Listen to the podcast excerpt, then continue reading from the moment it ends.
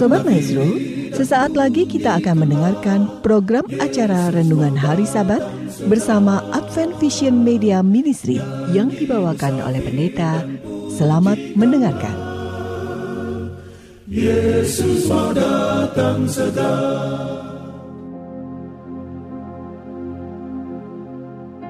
Selamat pagi dan salam sejahtera buat saudaraku yang dikasih oleh Tuhan, seluruh pendengar maestro yang kami sangat kasihi. Pada pagi ini saya Pendeta Cucu Elia akan bersama-sama dengan saudara untuk membaca, mendengarkan, dan merenungkan firman Tuhan yang pada pagi hari ini kita akan masuki perjalanan baru untuk merenungkan Eh, sabda Tuhan dari kitab Mazmur. Sebelumnya saudaraku mari kita akan berdoa. Bapa yang bertahta dalam kerajaan sorga, kami mohon bimbingan dan tuntunan roh kudus. Saat yang sama kami mengucap syukur untuk penjagaan dan pemeliharaan Tuhan sepanjang malam, dan juga pagi ini kami minta penjagaan dan pemeliharaan Tuhan. Rohmu kiranya menuntun kami ketika kami membaca dan merenungkan firman Tuhan, sehingga kami boleh dikuatkan dan diteguhkan, dan dibangunkan iman kami. Dalam nama Yesus Kristus kami berdoa. Amin. Saudara-saudara yang dikasih oleh Tuhan, pada sepanjang beberapa bulan yang lalu kita sudah belajar firman Tuhan dan merenungkan firman Tuhan dari kitab Daniel dan Wahyu. Dan kita sudah menyelesaikannya pada hari Sabtu yang lalu. Dan pada Hari Sabat ini kita akan mulai perjalanan kita yang baru, yaitu membaca merenungkan firman Tuhan dari kitab Mazmur yang tentu kita akan awali dari pasal yang pertama. Inilah nyanyian atau Mazmur ya. Pagi ini saudaraku sekalian kita akan melihat bagaimana Tuhan menyatakan kasih dan kemurahannya dan memberitahukan banyak hal dalam kehidupan kita dan mengajar kita untuk penuh pujian dan syukur kepada Tuhan.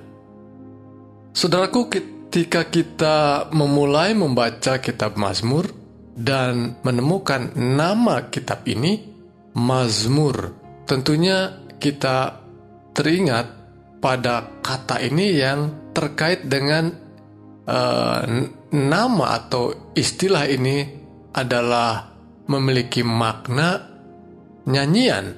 Memang Mazmur adalah sebuah nyanyian dan berasal dari sebuah kata yang mula-mula memang diserap uh, oleh oleh bahasa Indonesia dari bahasa Arab dan bahasa Arab rupanya menyerap dari bahasa Ibrani yang asal katanya adalah mizmor yang artinya adalah sebuah nyanyian.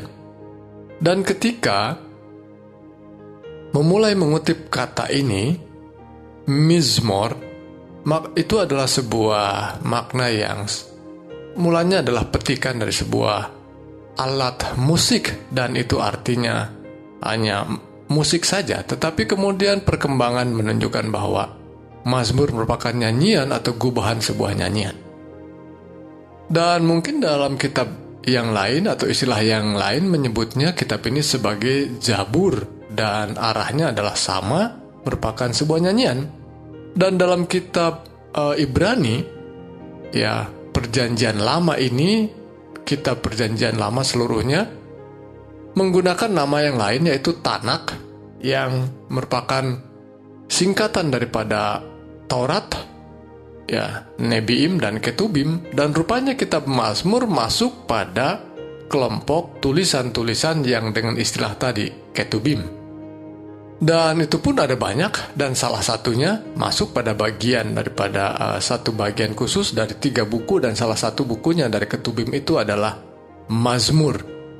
Baik saudaraku sekalian, memang penulisnya bermacam ragam, ya beberapa penulis di dalamnya ya ada Raja Daud, ada Nabi Musa, dan ada juga Asaf, dan ada juga Bani Korah. Dan artinya ini adalah sebuah kumpulan lagu-lagu Ya, saudaraku sekalian, ini adalah sebuah kumpulan lagu-lagu yang digubah oleh orang-orang tertentu yang memiliki pengalaman bersama dengan Tuhan. Bagaimana pengalaman itu membuahkan iman bagi mereka. Dan imannya ditunjukkan melalui pernyataan-pernyataan bagaimana Tuhan berkarya dalam hidup mereka. Dan itulah Mazmur. Tentu dalam menuliskannya berbeda dengan menuliskan sebuah surat tentunya ya. Ini adalah sebuah karangan yang digubah menjadi lagu. Pengalaman-pengalaman itu di, dituliskan dalam bentuk kata-kata puitis ya sehingga dapat dinyanyikan dengan indah. Terasa kata-katanya itu terasa uh, memiliki susunan yang akan didengar lebih indah. Dan itu salah satunya mungkin kita bisa lihat dalam pasal 119 bahwa tulisannya itu misalnya dibagi menjadi abjad Ibrani ya. Dari uh, misalnya awal uh, awal daripada pasal itu dituliskan dengan huruf uh, depan huruf depannya itu dengan alef. Semua kalimat ditulis dengan huruf alef ya. Kemudian huruf, uh, baris yang kedua ditulis dengan huruf bet. Bet semua dari huruf bet. Jadi saudaraku sekalian itulah indahnya. Jadi saya katakan bahwa memang kitab Mazmur digubah menurut pengalaman dari penulisnya, tetapi ditulisnya juga dengan begitu indah karena ini diarahkan untuk menjadi sebuah lagu ya. Baik saudaraku sekalian, begitulah kira-kira gambaran kitab Mazmur yang kita akan baca dan renungkan bersama. Kita akan awali pada pasal yang pertama.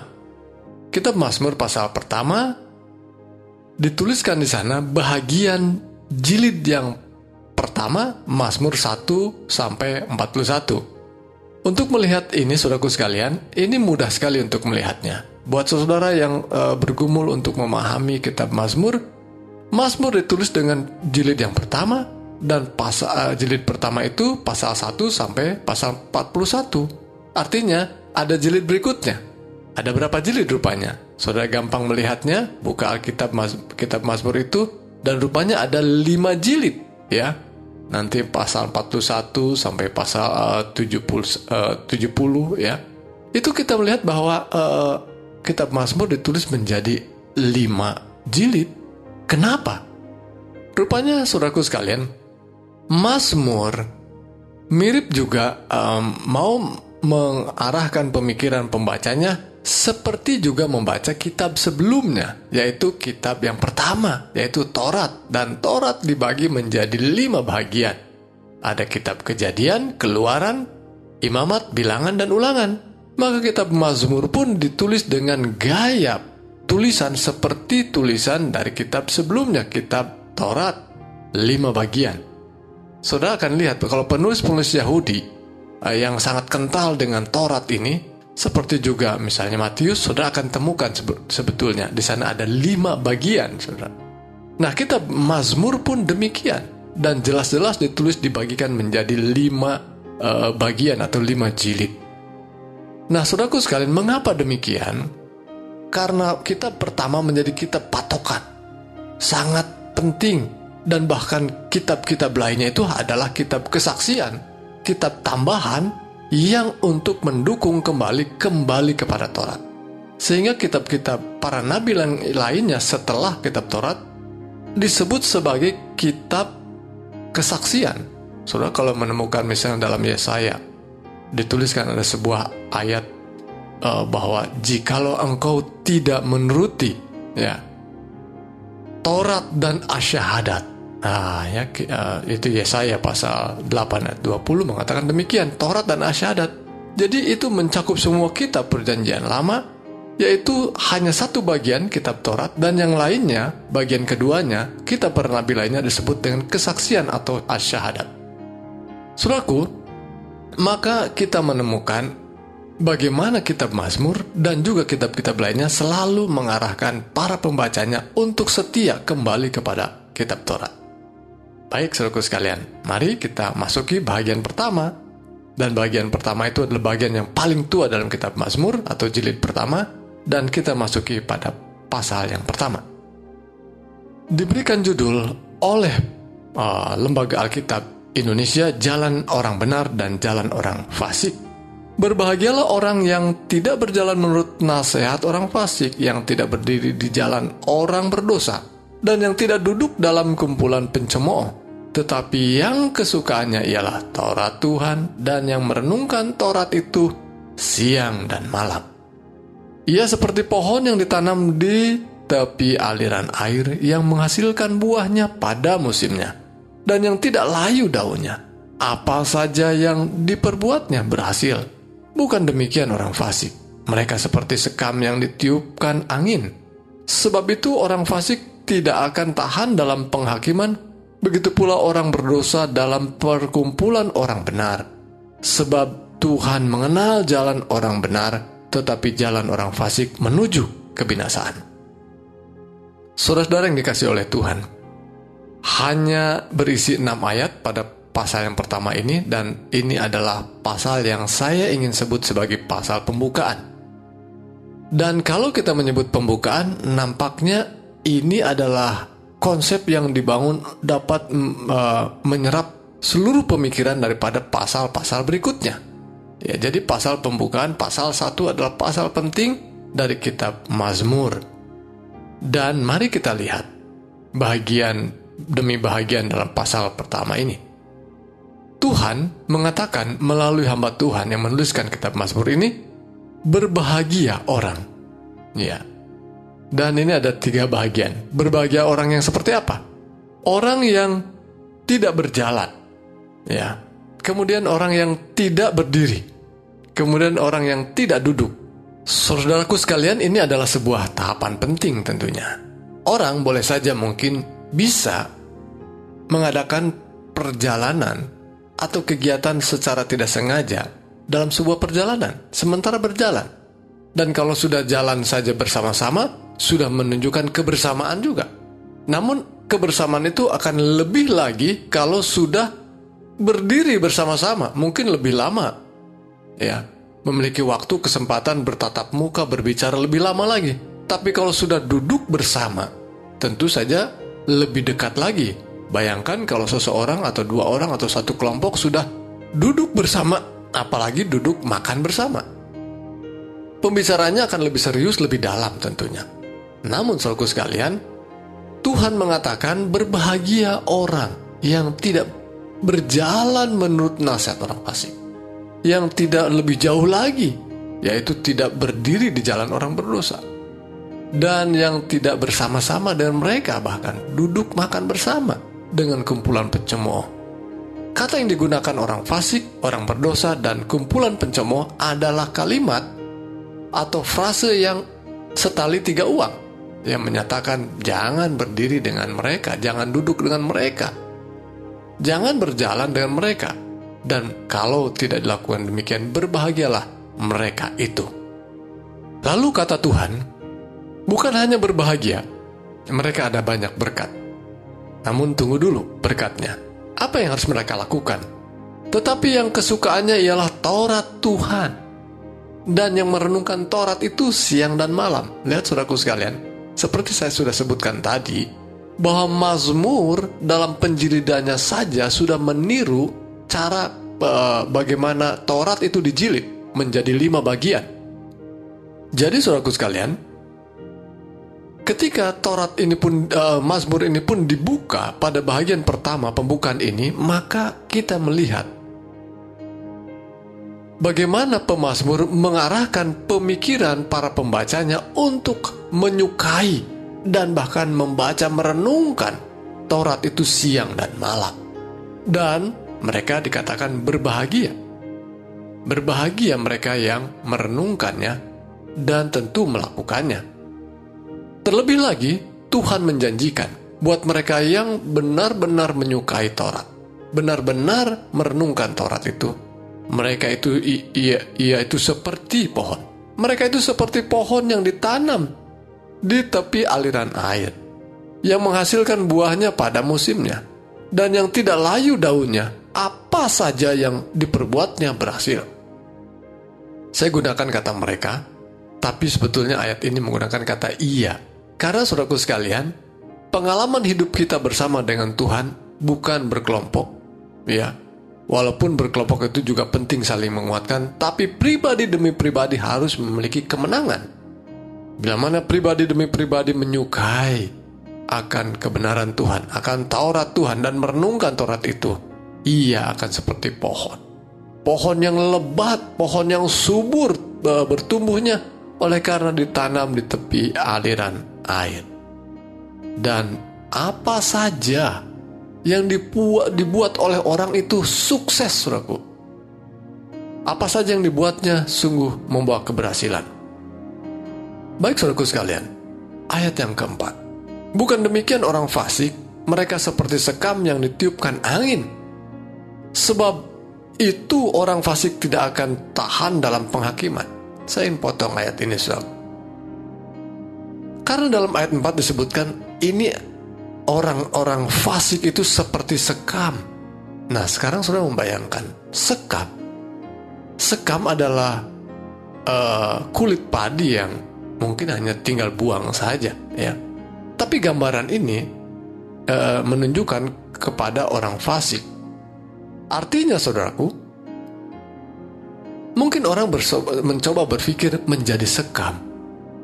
Mungkin ada banyak kesempatan hidup bebas Ya, dibandingkan menjadi pohon, saudaraku sekalian, tertanam di tempat itu saja dan tidak ada kebebasan. Mendingan menjadi sekam bebas ke mana-mana, diterbangkan ke mana-mana. Luar biasa menjadi seorang seperti sekam.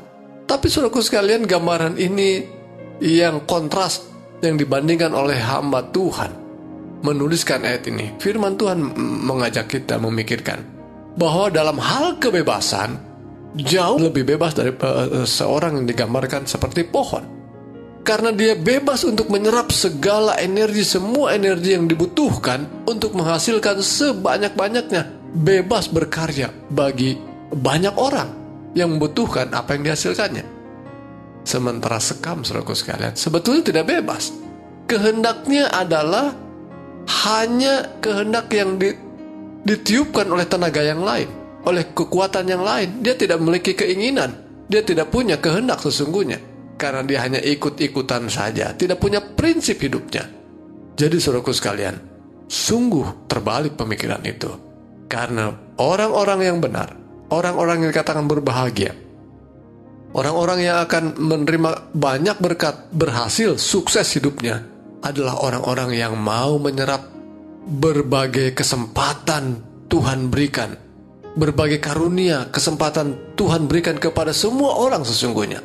Tetapi mereka yang menggunakan kesempatan itu untuk menyerap energi dari Tuhan, mereka akan bekerja, mereka akan berkarya buat banyak orang. Hasilnya, buahnya menghasilkan bahkan tidak tidak layu daunnya dan buahnya menghasilkan pada musimnya dan membawa berkat tentu banyak orang.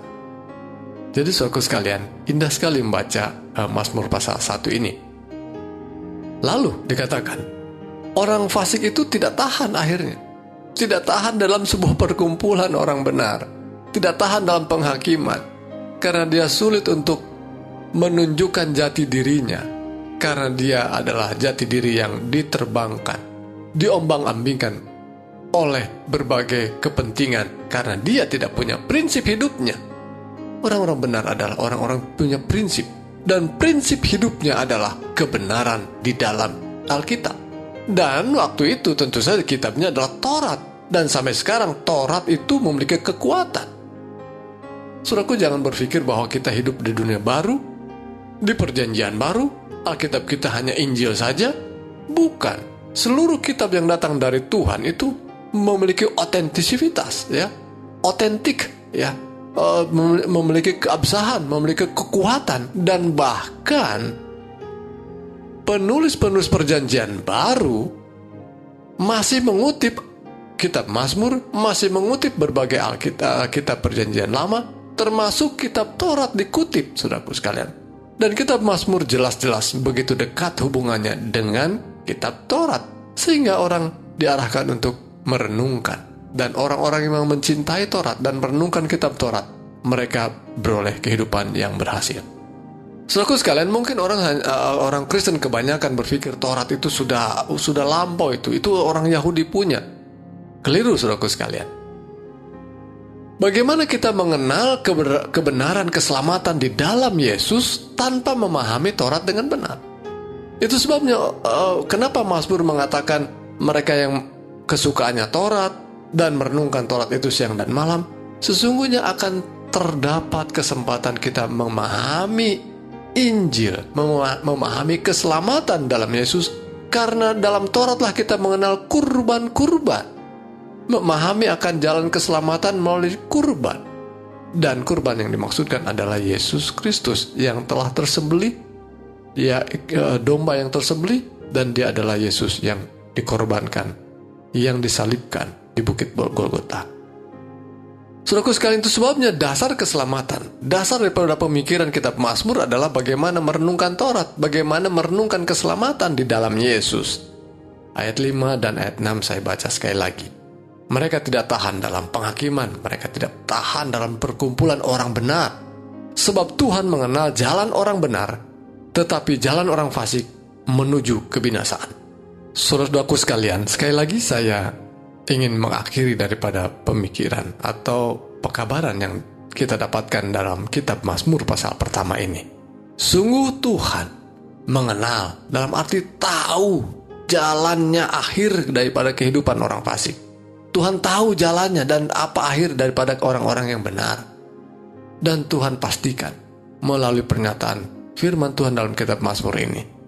Pasti kehidupan mereka, pasti kebinasan mereka, Sebagaimana pekabaran yang kita sudah berulang kali temukan dalam kitab Wahyu yang kita sudah bahas pada uh, beberapa waktu yang lalu, sungguh kebinasaan orang-orang fasik itu sudah pasti. Demikian juga orang-orang yang setia, orang-orang yang merenungkan tadi, merenungkan firman Tuhan, merenungkan kitab Taurat siang dan malam, menemukan jalan keselamatan dalam Yesus, dan hidupnya berhasil di dunia ini dan kehidupan pada masa akan datang dijamin oleh kuasa Tuhan kita Yesus Kristus.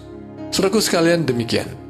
Pekabaran firman Tuhan, perenungan firman Tuhan kita pada uh, mengawali perjalanan kita dalam kitab Mazmur pada hari sabat ini, kiranya Tuhan menolong kita terus bertumbuh dalam iman, terus bertumbuh dalam pengalaman iman dan hidup menghidupkan akan firman Tuhan. Mari saudaraku sekalian kita tutup dengan doa. Bapa yang penuh kasih kami menaikkan pujian dan syukur untuk berkat Tuhan. Untuk firman Tuhan yang Tuhan telah sampaikan pada kami. Ketika engkau berbicara kepada masing-masing kami ke dalam hati dan pikiran kami. Kami sungguh boleh dikuatkan dan diteguhkan oleh firman Tuhan. Untuk kami berpegang teguh kepada kebenaran Tuhan sebagaimana engkau mengajarkan pada kami. Untuk mencintai Taurat dan merenungkan Taurat itu siang dan malam. Dan apa yang digambarkan dalam kitab Taurat kami boleh terima, yakni jalan keselamatan di dalam Yesus Kristus. Terima kasih Tuhan, Engkau telah mengajar kami pada pagi ini, dan kami beroleh kekuatan untuk menjalani kehidupan kami sepanjang hari ini. Dan kami berdoa ya Tuhan, sepanjang hari sabat ini. Bila mana ada sahabat-sahabat kami saat ini Tuhan, dan kami merasakan, boleh melihat dengan mata iman kami pergumulan saudara kami, dan bahkan yang sakit Tuhan berkenan Engkau menjamah mereka. Memberi kekuatan dan kesembuhan. Teguhkan iman mereka. Dan bahkan Tuhan sepanjang hari ini kami berbakti. Beribadah dan membawa hormat bagi Tuhan. Biar sepanjang hari sahabat ini kami diteguhkan untuk mengagungkan Tuhan dalam peribadatan. Dan kami beroleh sukacita di dalamnya. Di dalam nama Yesus Kristus kami berdoa dan mengucap syukur. Amin.